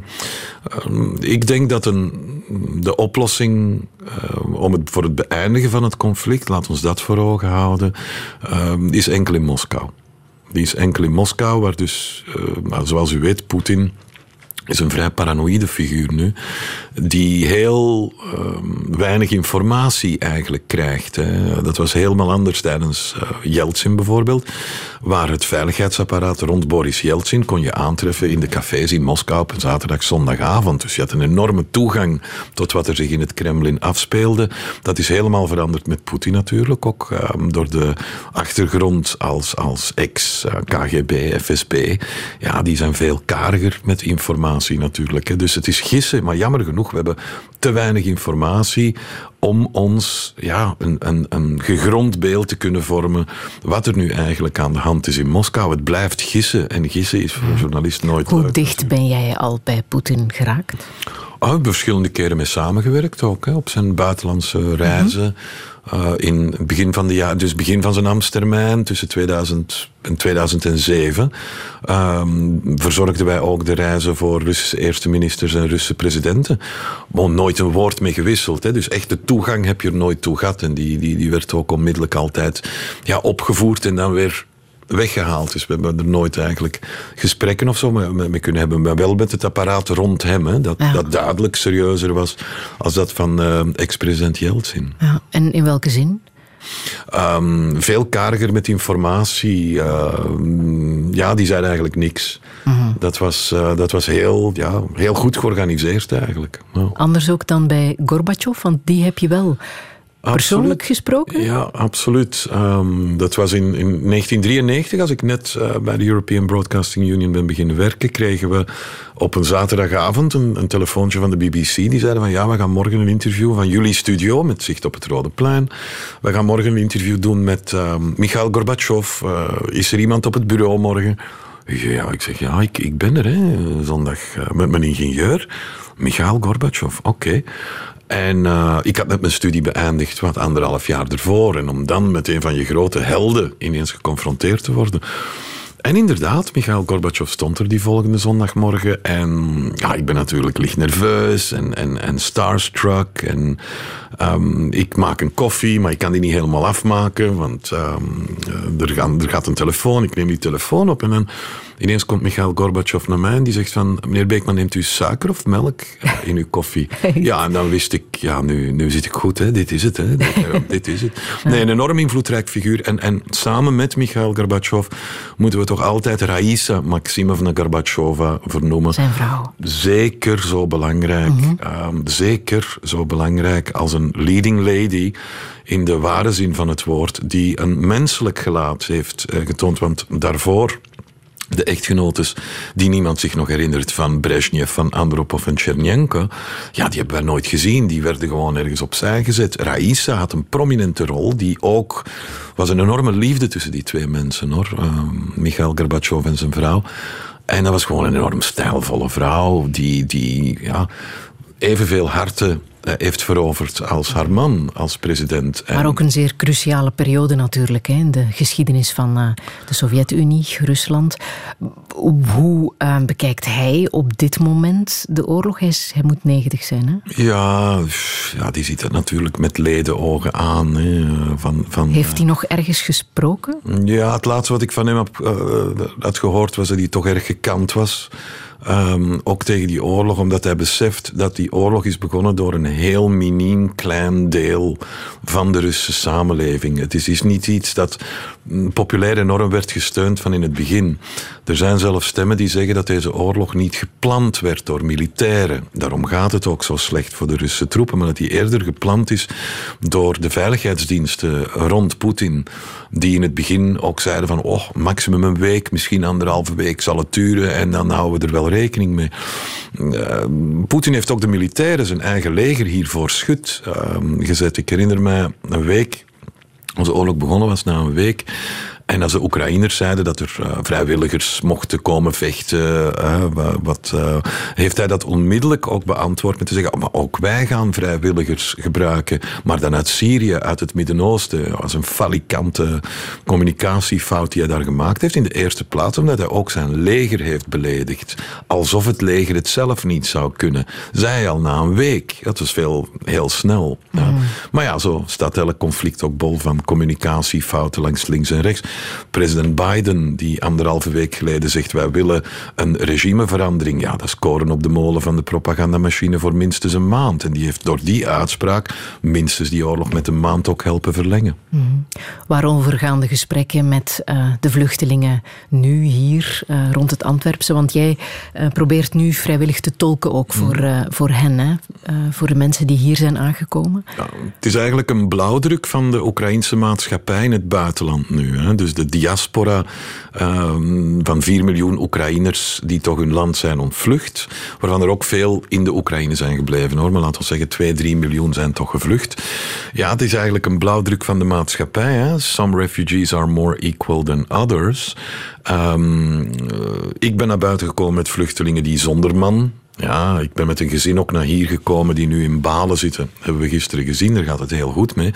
Uh, dat is een moeder met haar zoon en haar broer die zijn afgekomen van 16 jaar, maar die is zonder haar man. En de meeste vluchtelingen zijn zonder man of grootvader naar hier gekomen blijkt toch dat er vluchtelingen met een man ook zijn kunnen afkomen. En dat was vooral een financiële kwestie, die dan op de grens, aan de grens in Polen of Slowakije, uh, ja, mm, via met wat geld uh, toch zijn kunnen mm -hmm. buiten raken. Ja, en dat, dat schept een zeker klimaat ook. Um, en vertrouwen ja. ze jou? Want jij spreekt Russisch, geen, geen Oekraïens. Ja, maar daar, daar heeft niemand een probleem van gemaakt. Nee? En ik, ik spreek een beetje Oekraïens, dus ik, ik leg ook altijd uit van kijk. Um, Ehm, het Oekraïens was gewoon niet beschikbaar als taal hier als ik ben beginnen studeren. En dat is ook de reden dat ik vooral Russisch spreek, maar geen Oekraïens. Maakt niemand een probleem van. Absoluut niemand. Nu, ik begrijp wel 80% Oekraïens. Ehm, dus dat, dat helpt, maar er maakt niemand een probleem eh, van. Ook omdat je natuurlijk, ja, je bent niet direct een Rus. En ze hebben ook altijd dat woord, Paljanitsa. Uh, Paljanitsa is een Oekraïns woord dat Russen niet kunnen uitspreken. En als Russen het uitspreken, klinkt het als aardbei in het Oekraïens. Maar als je het correct uitspreekt, klinkt het als een soort brood. Een broodje in het Oekraïens. En dat heb ik wel een paar keer moeten doen. Dus dat je dat woord moet uitspreken, dan zeggen ze, oké, het is geen spion en, en, en, dit en dat. Maar je ziet ook dat die, ja, de, de, de, de maatschappij, de Oekraïnse maatschappij, de meeste vluchtelingen willen terug. Gisteren heb ik wel gehoord dat er ook vooral in Polen, waar het meeste aantal vluchtelingen toch zijn opgevangen, dat daar mensen onmiddellijk werk hebben gevonden en niet meer van plan zijn om terug te keren. En waarom? We mogen niet vergeten, de Oekraïnse maatschappij was voor dat het conflict begonnen is, ook niet meteen een modeldemocratie te noemen, waar 90% van de rijkdom van het land was in de handen van 10% van de mensen. Ja, dat hadden ze gemeen met Rusland trouwens, waar, waar de economische macht ook zich vooral situeert um, bij de oligarchen. Um, dus ja, uh, binnen een jaar of zo kan je misschien een regimewissel in Oekraïne veranderen. Er maar moet wat ook, dan? Ja. Er moet ook nog heel veel veranderen. President Zelensky bijvoorbeeld was heel onpopulair voor het conflict. Hij werd gevaarlijk medioker geacht.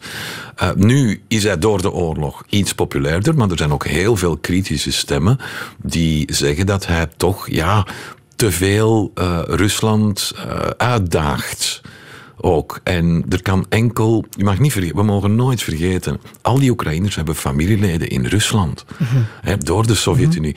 En ja, het is één ding, een conflict is één ding, maar ik zal ook nooit vergeten in Kiev, als Oekraïners daar belden met hun familieleden in Rusland en die familieleden weigerden hen te geloven, er zelf maar eens over nadenken. Als je man of kind jou niet gelooft wat jij zegt, maar wel de lokale propaganda ja, dat, hoe vecht je daarmee? Hoe ga je daarmee om? Hè?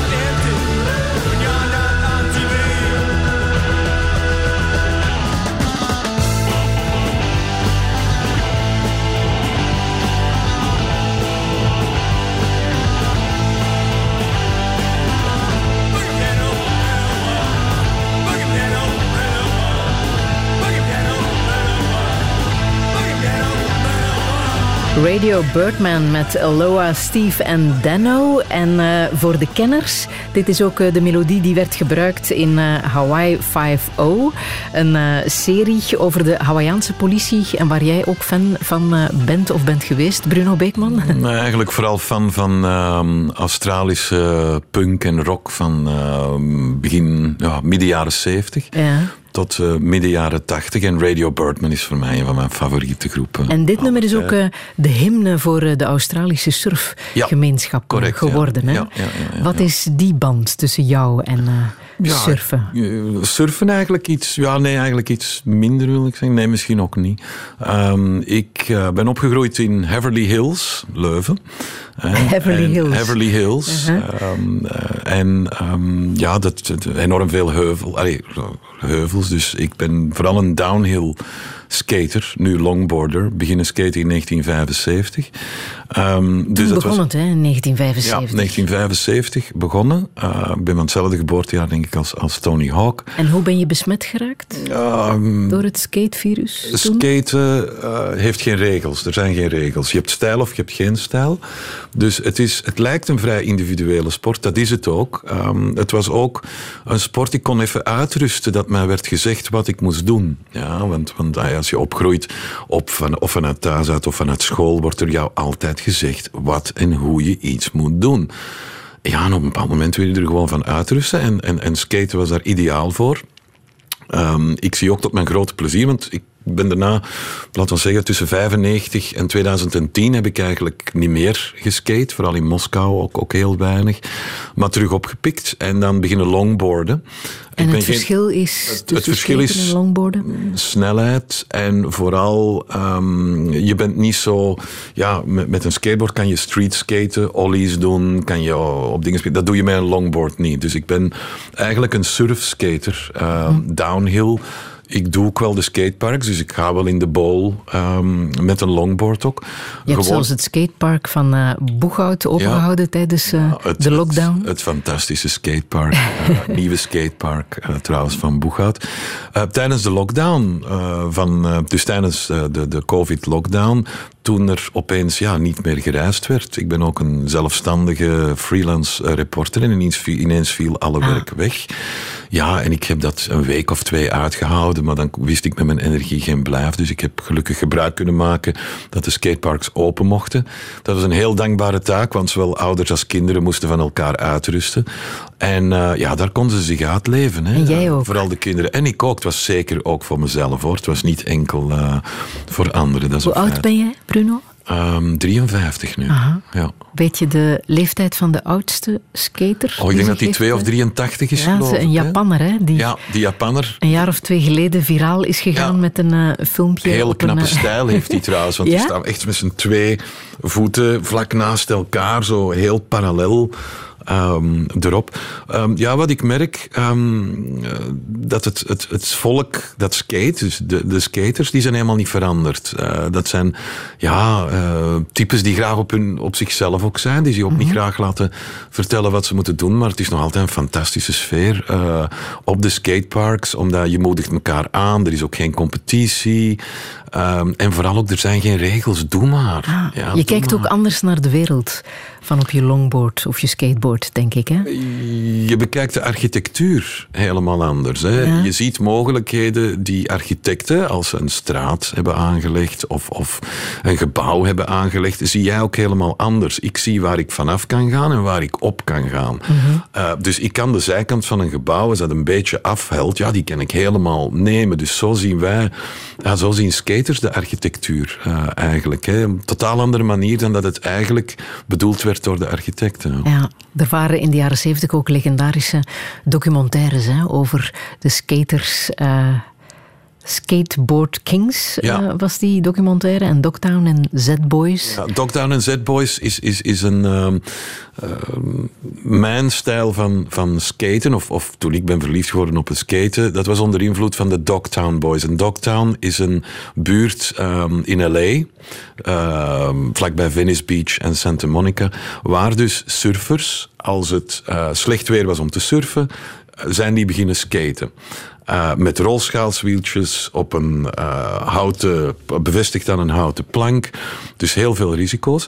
Maar die beelden bereikten ons ook hier. Heel sporadisch hoor, maar uh, bereikten ons ook hier. En dan hebben we toch eens een skateboard magazine door een vader in Mortsel, waar ik toen woonde, was er een vader die was naar Amerika gegaan, die had een skateboard magazine exemplaar meegebracht. Oh, hebben we zeker twee, drie maanden dat bladje helemaal van achter naar voor uitgelezen. En daar stond iets in van de documentaire Skateboard Kings die ik dan maar pas 10, 15 jaar later heb gezien. Hè. Uh, vergeet niet, geen internet, geen YouTube, niks. En dat is een documentaire waar vooral ah, de blijheid, vrolijkheid en vrijheid van skaters uitspat uit die film. Um, geen wedstrijden, geen competitie, gewoon mensen die ja, surfen, sidewalk surfing noemden ze het ook, hè? dus voetpadsurfen eigenlijk. um, en het is vooral die vrijheid. Iedereen beweegt op zijn individuele eigen manier.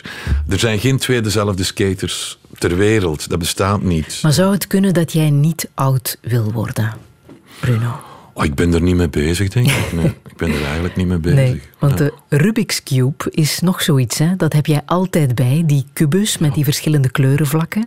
Dat is een uitvinding van, ja, ook rond die periode, 1974, denk ik, 75. Ja, Ik denk dat ik de eerste in handen heb gekregen in 1978 of 79.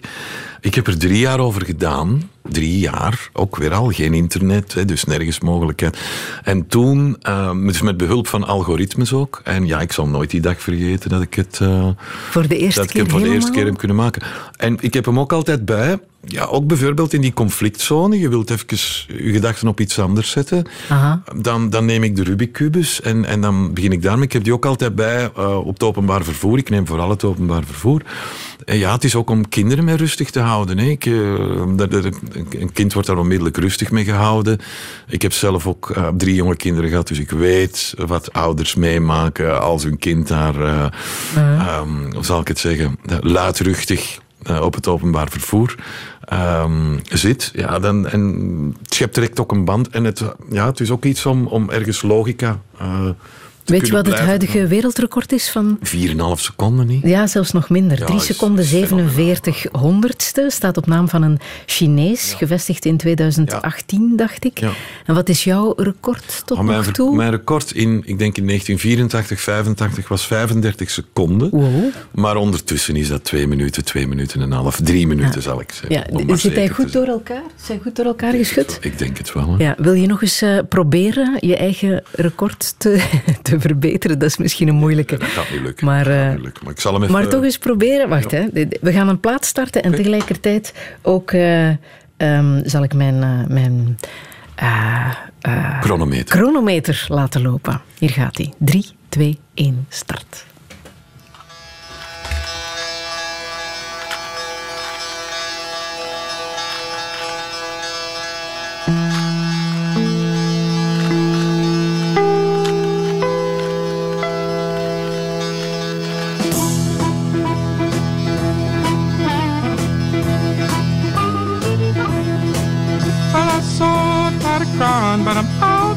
On the road again. I'm on the road again. But I'm so tired of crying, but I'm out on the road again. I'm on the road again. I ain't got no woman just to call my special friend. You know, the first time I traveled out in the rain and snow, in the rain and snow. You know, the first time I traveled out in the rain and snow, in the rain and snow. I didn't have no pharaoh, not even no place to go. And my dear mother left me when I was quite young, when I was quite young. And my dear mother left me when I was quite young, when I was quite young. She said, Lord, have mercy on my wicked son.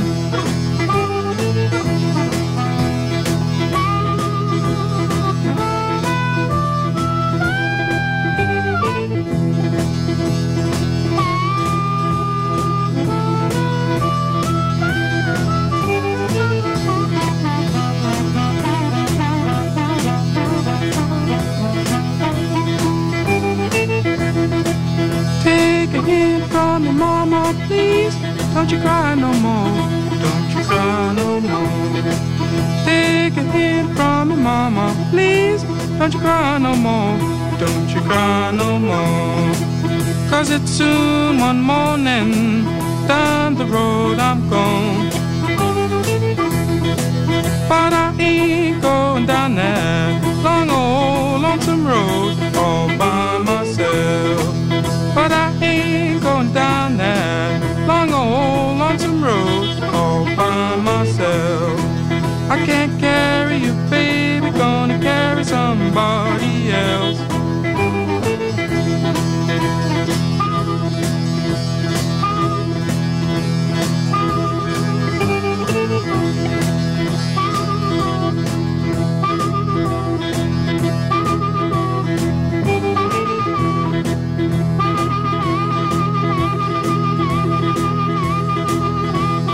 Can't Heat en On the Road Again. En ondertussen, Bruno Beekman, is dat uh, record neergezet. Hè? Toch het record van vandaag. dat is 1 minuut 24 seconden. Ben je tevreden? Amai, heel tevreden. Heel tevreden. het ging ook heel cool en uh, vlotjes, moet ik zeggen. Ja, het zijn algoritmes hè, en het, en het ja, doorzien, het um, optisch perspectief hebben. En dat is eigenlijk het belang van de Rubik's kubus. Je, je, je ziet oppervlaktes gewoon een totaal andere manier. Ja. En als je dat doorhebt, dat is zoals het, ja, het oplossen van een wiskundige formule. Zo. En dat blijft ook bij jou, waar je ook naartoe gaat, zie je de dingen eigenlijk vanuit een verschillend optisch uh, perspectief. Ja, en dit dan doen op de muziek van Kent Heat. Mm. Wat uh, speelt hier door jouw hoofd? Twee dingen. Um, dus uh, het leven on the road, en, en vooral in conflict situaties, is een leven waarbij je um, 20% kan plannen en 80% moet je improviseren. On the road. Dingen veranderen. Je kan niet altijd uh, dingen plannen. En ja, on the road, een groot deel van mijn leven um, heeft zich on the road afgespeeld. Ik herinner me nog in de jaren toen we in Moskou woonden, uh, dus tussen 1991 en 2003. Um, ja, waren wij dikwijls acht, negen maanden per jaar on the road. En on the road, ja, ben je alleen. Je bent ook nooit alleen natuurlijk. Er is altijd wel iemand bij. Maar je moet het wel als, als levensstijl ermee kunnen omgaan. Dus je moet eigenlijk met jezelf wel vrij goed liggen hoor. Uh, mm-hmm. um, dat je toch heel vaak enkel op, op jezelf bent aangewezen. En een tweede reden in het lijstje van, van Belgen, waar ik enorm trots op ben, uh, waar ik heel veel van heb geleerd. Kenneth Heat uh, was een favoriete groep van ballonvaarder Wim Verstraeten. En ik heb het geluk gehad om ten eerste Wim als vriend te kunnen hebben, maar ook om ja, een paar keer met hem te kunnen vliegen. En die heeft mij een deel van de wereld laten zien op een manier dat ik anders nooit had kunnen um, zelf ontdekken. Uh, ook in datzelfde lijstje zijn, zijn, zijn collega cameramensen zoals een Emmanuel Leus, uh, freelance cameraman Daniel de Moustier. Ja, dat zijn allemaal mensen als ik die bezig zie en, en, en uh, ja, waar ik ook enorm veel van heb geleerd. En waar ik best fier op ben, ja. ja. Op, op, die en mensen hoe als heb jij destijds je vrouw kunnen overtuigen om mee in jouw avontuur te stappen? Oh, um, ja, liefde waarschijnlijk, hè, Friedel. Um, ja, dat is een. Ja, um, ja vrij, dat ging vrij, vrij vlot eigenlijk. Uh, Ja. Dan beslist om naar, naar Moskou te komen in 1997. Maar ook onmiddellijk. Um, ik ben een beetje bevreesd ook altijd geweest. En, en, en zij ook. En, ik heb veel vrienden die dat ook hebben. Om iemand zijn tijd te verspillen. Daar ben ik altijd heel bevreesd voor. Um, en ja, we hadden elkaar daar ook een maand gegeven. En als het dan werkt, zien we wel verder. En als het niet werkt, weten we ook onmiddellijk dat het niet werkt. En, en dat is goed, maar bon, het is haar, uh, ook voor haar goed meegevallen. Ze had ook een enorm goede band met de uh, Russische maatschappij. Werd ook enorm goed opgevangen uh, door de Russen. Want wij leefden eigenlijk tussen ja, ex-Sovjet-republieken en uh, vertegenwoordigers van ex-Sovjet-republieken. Dus wij, wij, hadden geen geprivilegeerd expatriate bestaan of zo. Mm. We hebben altijd toch wel gekozen om echt tussen de mensen te leven. Omdat je dan gewoon het meeste leert. Ook qua taal. Je leert de taal veel sneller.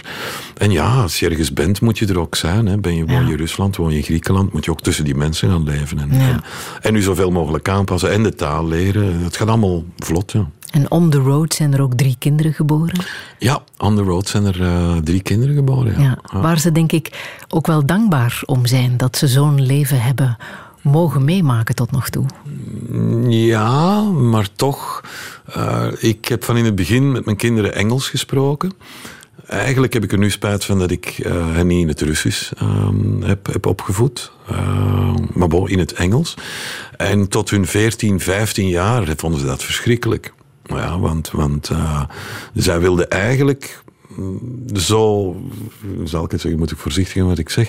Maar, maar toen ze vooral na, toen we terug zijn gekomen naar België in 2010, eh, vonden mijn kinderen dan niet he- helemaal niet leuk. Dat zij werden met de vinger gewezen om, om, om een goede reden. Hè, van die hebben in het buitenland gewoond. Die hebben dit, nee, wilden eigenlijk zo uniform en normaal mogelijk zijn. Ehm, het is pas op latere leeftijd, dan 15, 16 jaar, dat ze eigenlijk eh, zijn beginnen antwoorden in het Engels. Dus ik heb 13 jaar eigenlijk Engels tegen hen gesproken en zij hebben mij in het Nederlands geantwoord. Maar van die 14, 15 jaar ging het wel ging het plots wel, omdat ze goede resultaten behaalden eh, voor Engels. En dat werd dan, eh, daar kregen ze dan complimenten van, van hun leraar. Dus dan is dat wel. Maar je moet dat niet onderschatten hoor. Ik heb ook eh, een, een, een nicht, kind van diplomaten ook. En die is eigenlijk, sinds ze alleen gaan wonen, is niet meer verhuisd. Omdat hij zo'n, ja, toch wel een negatieve houding had tegenover het constant verhuizen op elk moment. Mag niet vergeten, als kind is dat helemaal anders. Hè. Je moet afscheid nemen van schoolkameraadjes. En dat is om iets wat je ouders willen en een goed idee vinden. Zij hebben nooit in de pap iets te brokken. Hè. Heb je ooit getwijfeld of je wel een goede vader kon zijn? Ja, zeker. Dat doet iedereen wel, denk ik. Hè?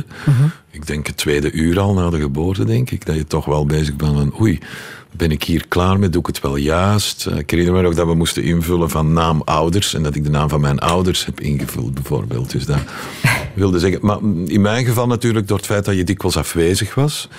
Nu, daarom ben ik ook eh, freelance eh, geworden in der tijd, omdat ik op die manier wel veel tijd eh, bij mijn kinderen kon doorbrengen. En dat ging eigenlijk niet toen ik in Genève een vaste medewerker was, want dan deed ik en de reizen en, het, en vaste medewerker. En dan, dan was ik geen goede vader, ben ik niet eh, bevreesd om dat te zeggen en dat te bekennen. Maar ondertussen zie ik met plezier dat ze ja, vier talen goed spreken en dat die zich overal kunnen aanpassen. Nou, wat is er ondertussen van hen geworden? Ah, die studeren nog. Ah, mijn eh, jongste zoon die heeft deze week goed nieuws gekregen eh, dat hij eventueel volgend jaar bij het Ballet van Vlaanderen mag beginnen. Die doet klassiek ballet. ehm, die is 18. En eh, de twee anderen die, die studeren nu diploma diplomatie. En eh, dochter studeert dit jaar af, hopelijk. En volgend jaar oudste zoon. En eh, ja, die gaan wel terug. eh, die zie ik wel ergens naar het buitenland vertrekken om daar hun ding te doen, omdat ze er ook mee zijn opgevoed. Hè. Ja. Wij zijn hier eigenlijk, mijn vrouw en ik, eh, zijn in België nog wel opgevoed, maar toen zij naar hier kwamen op 11, 12-jarige leeftijd, wat wa- was voor hen een niet helemaal nieuw land, maar toch een, een ja, vrij onbekend land. Hè. Ja, maar wat een verschil, hè? Balletdanser en internationale betrekkingen. Ja, de Morgan... Of zit dat toch allemaal in de ouders ook, in jullie? Oh, nee, daar, daar, daar, daar, nou, daar kan ik mij niet over uitspreken. Natuurlijk genen. Hè. Mijn, mijn moeder is er altijd van overtuigd dat alles wordt beslist door de genen. En die is er ook van overtuigd dat liefde een ziekte is zoals een andere. Dus eh, ja, ehm, maar ni- niks gepland. Vooral niks gepland, Friedel. We hebben heel weinig gepland in, in ons leven. Ehm, heel veel geïmproviseerd. Maar kinderen kunnen ook veel meer aan als, als dat je ze zou toeschrijven. Hè. Ik, ik doe ook heel vaak motivatie, ehm, momenten voor ehm, ADHD-kinderen, wat mezelf ook niet vreemd is. Hè. Ik werd vroeger ook hyperactief genoemd. Gelukkig opgegroeid in de generatie voor relatine op de markt is gekomen. Ben ik heel, eh, heel hard tegen.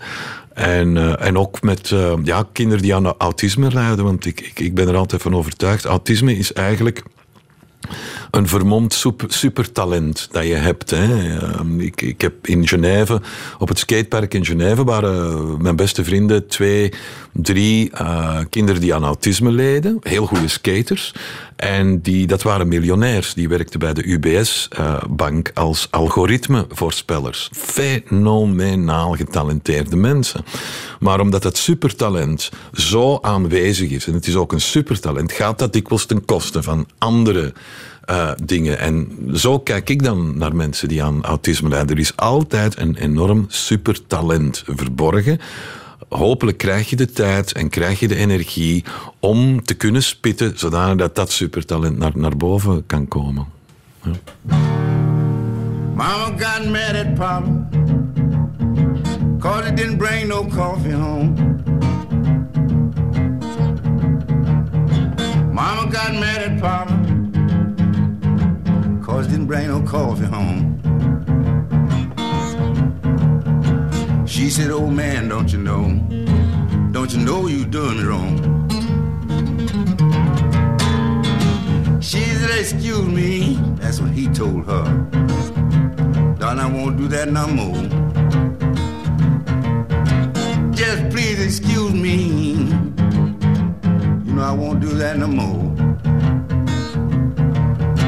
You know I'm gonna buy you coffee here and I'm even gonna buy you a coffee stool. Shut your mouth, baby, I would buy you a coffee house. If you shut your mouth, baby, I will buy you a coffee house. You know, mama was sitting around a crowd like this, said, What is this coffee house mess all about? Mama, she was sitting there seeing the peoples go out and in. She began to drink coffee, said, I'm going back here again.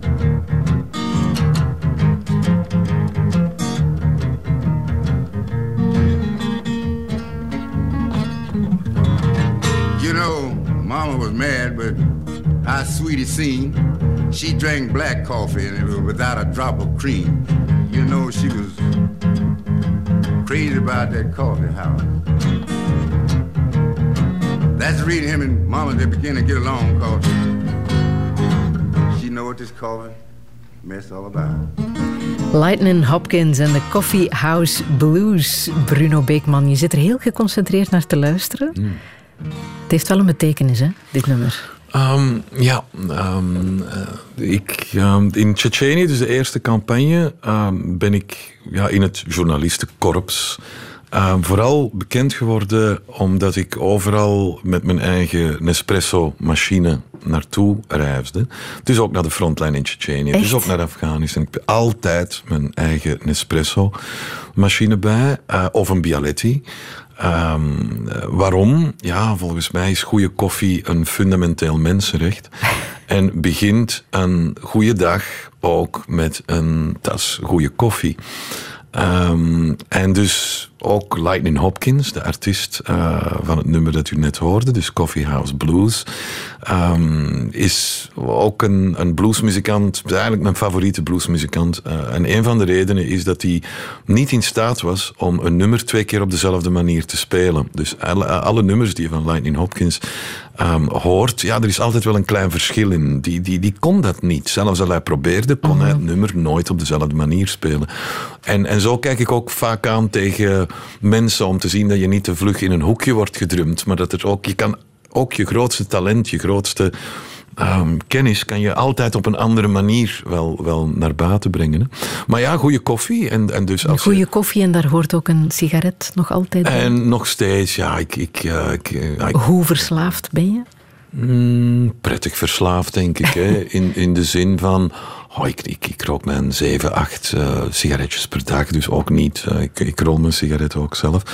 Maar ja, ik vind, ehm, ja, ik rook gewoon graag en dat is verschrikkelijk natuurlijk, hè, wat je nu zegt. Maar, maar eh, Maar dat compenseer je. ja, compenseert, het geeft ook rust. Ja, ik doe heel veel sport. Ik doe drie uur per dag aan sport. Fietsen en, en, en skaten. Ik zit ook om half zeven 's morgens elke ochtend op mijn home trainer. Waar ik dan naar het nieuws luister in het Russisch, in het Engels en naar het Frans. Om dat toch te blijven oefenen. Het is gewoon een werk van lange adem. En ik schrijf nog steeds woorden, nieuwe woorden. In het Russisch schrijf ik nog steeds in mijn boekje. Ondertussen zit ik aan boekje nummer 54. Ehm, eh, schrijf je nog steeds in je boek. Om dat toch te blijven. Ook om het nieuws te kunnen horen natuurlijk. Wat er gaat speelt in Rusland. Maar vooral om de taal ook niet te vergeten. Ja. Wat zou je echt nog willen in je leven? Oh, dat. ehm, hmm, ehm, ja, dat. Om, om, om nu even over het Oekraïne-conflict. Ja, dat onze diplomaten toch nog iets beter werk eh, leveren om die conflicten te vermijden. En dat gaat enkel door een goede kennis van de taal. Dat gaat door een goede kennis van de cultuur. Het gaat ook door een liefde voor die cultuur en voor die taal. Eh, Als je echt interesseert voor iets, moet je dat ook graag zien. Ehm, en voor de rest, ja, zorg voor een goede communicatie. Aan, aan Belgen zou ik willen zeggen, leer jullie talen heel goed. Hè, want wij leven hier in een paradijs waar we automatisch drie tot vier talen zonder problemen kunnen, kunnen leren. En daarom zijn wij ook graag gezien. Het is, het is heel prettig om als Belg te reizen. Want wij zijn gekend voor chocolade en bier. Dus mensen gaan je niet onmiddellijk veroordelen voor nee, chocolade en bier, come in. Ja? Dus daarom, um, ja, een van de redenen waarom wij ook graag gezien zijn in het buitenland. Hè. Uh, toch wel harde werkers en, en, en spreken in verschillende talen. En chocolade en bier, what's not to like? Ja? Ga je nog terug naar Oekraïne of misschien naar Rusland? Ja, uh, ik zou eigenlijk graag naar, naar, naar Rusland gaan, maar dan moeten we wel ergens de verzekering hebben en de zekerheid hebben dat we inderdaad uh, naar de Russische troepen kunnen reizen. En die is er op dit moment niet. Um, dus ik denk eraan om, om, om heel binnenkort ja, um, terug naar de Oekraïne te trekken. En hoe gewoon, concreet is dat uh, plan? Gewoon om even een stand van zaken op te nemen. Hè. Je hebt ja. nu de eerste interesse is gaan liggen. Ik verwacht dat er nu ook vluchtelingen gaan terugkeren al, hè, omdat toch de steden rond Kiev zijn uh, heroverd. En mensen willen ook terug, hè, ook omdat ze dikwijls de middelen niet hebben om te blijven. En ze willen ook terug om hun geliefde te zien. Dus ik ga gewoon even een stand van zaken opnemen. En um, ik wil ergens uh, volgende week vertrekken. Um, en dan voor twee weken of zo voor een, een, een, paasdienst ook mee te maken in het westen van de Oekraïne. En ook, Is dat ook belangrijk, interessant? Pasen om, is het belangrijkste feest. Mm -hmm. In de orthodoxe liturgie is paasfeest toch wel het belangrijkste feest. We hebben dan ook die scheiding van de kerken in de Oekraïne gehad, hè, waar een, de orthodoxe Oekraïnse kerk zich aangesloten heeft bij Byzantium, bij, bij uh, Istanbul goedgekeurd door patriarch Bartholomeus. En zeer tegen de zin van Moskou, um, de orthodoxe kerk. En ik ga proberen naar een kerkdienst te gaan um, van de orthodoxe kerk die Moskou aanhangt. Die bestaan ook nog in de Oekraïne.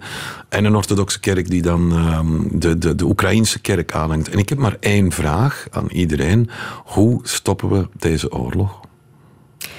Welke boodschap wil je nog meegeven? Dat is mijn laatste vraag.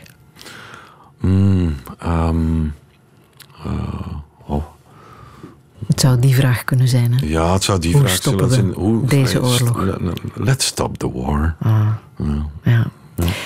Bare Necessities heb ik nog uh, klaarstaan. Een vrolijk lied uit Jungle Book, gezongen oh. door Mowgli en Baloo.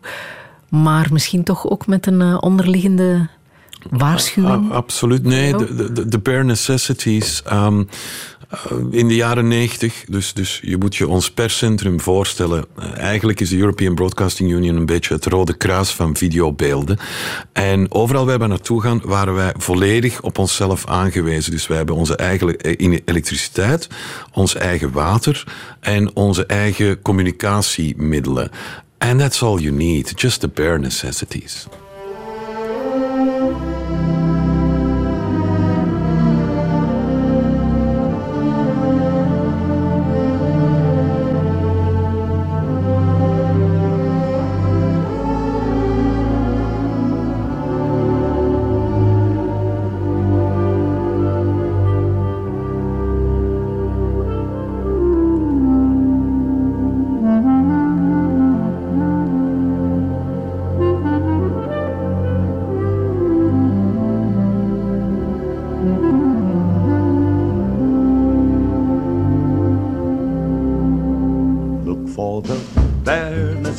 Necessities, the simple bare necessities. Forget about your worries and your strife.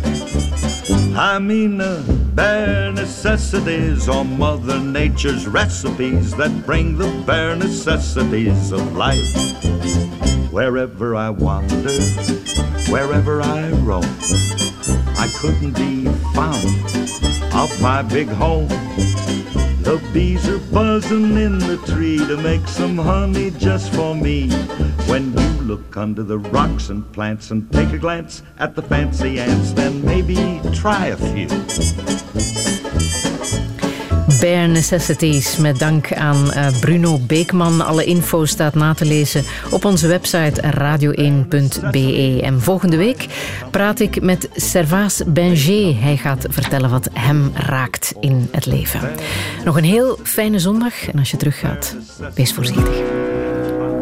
Herbeluister Touché via de podcast, de Radio 1-app en radio1.be.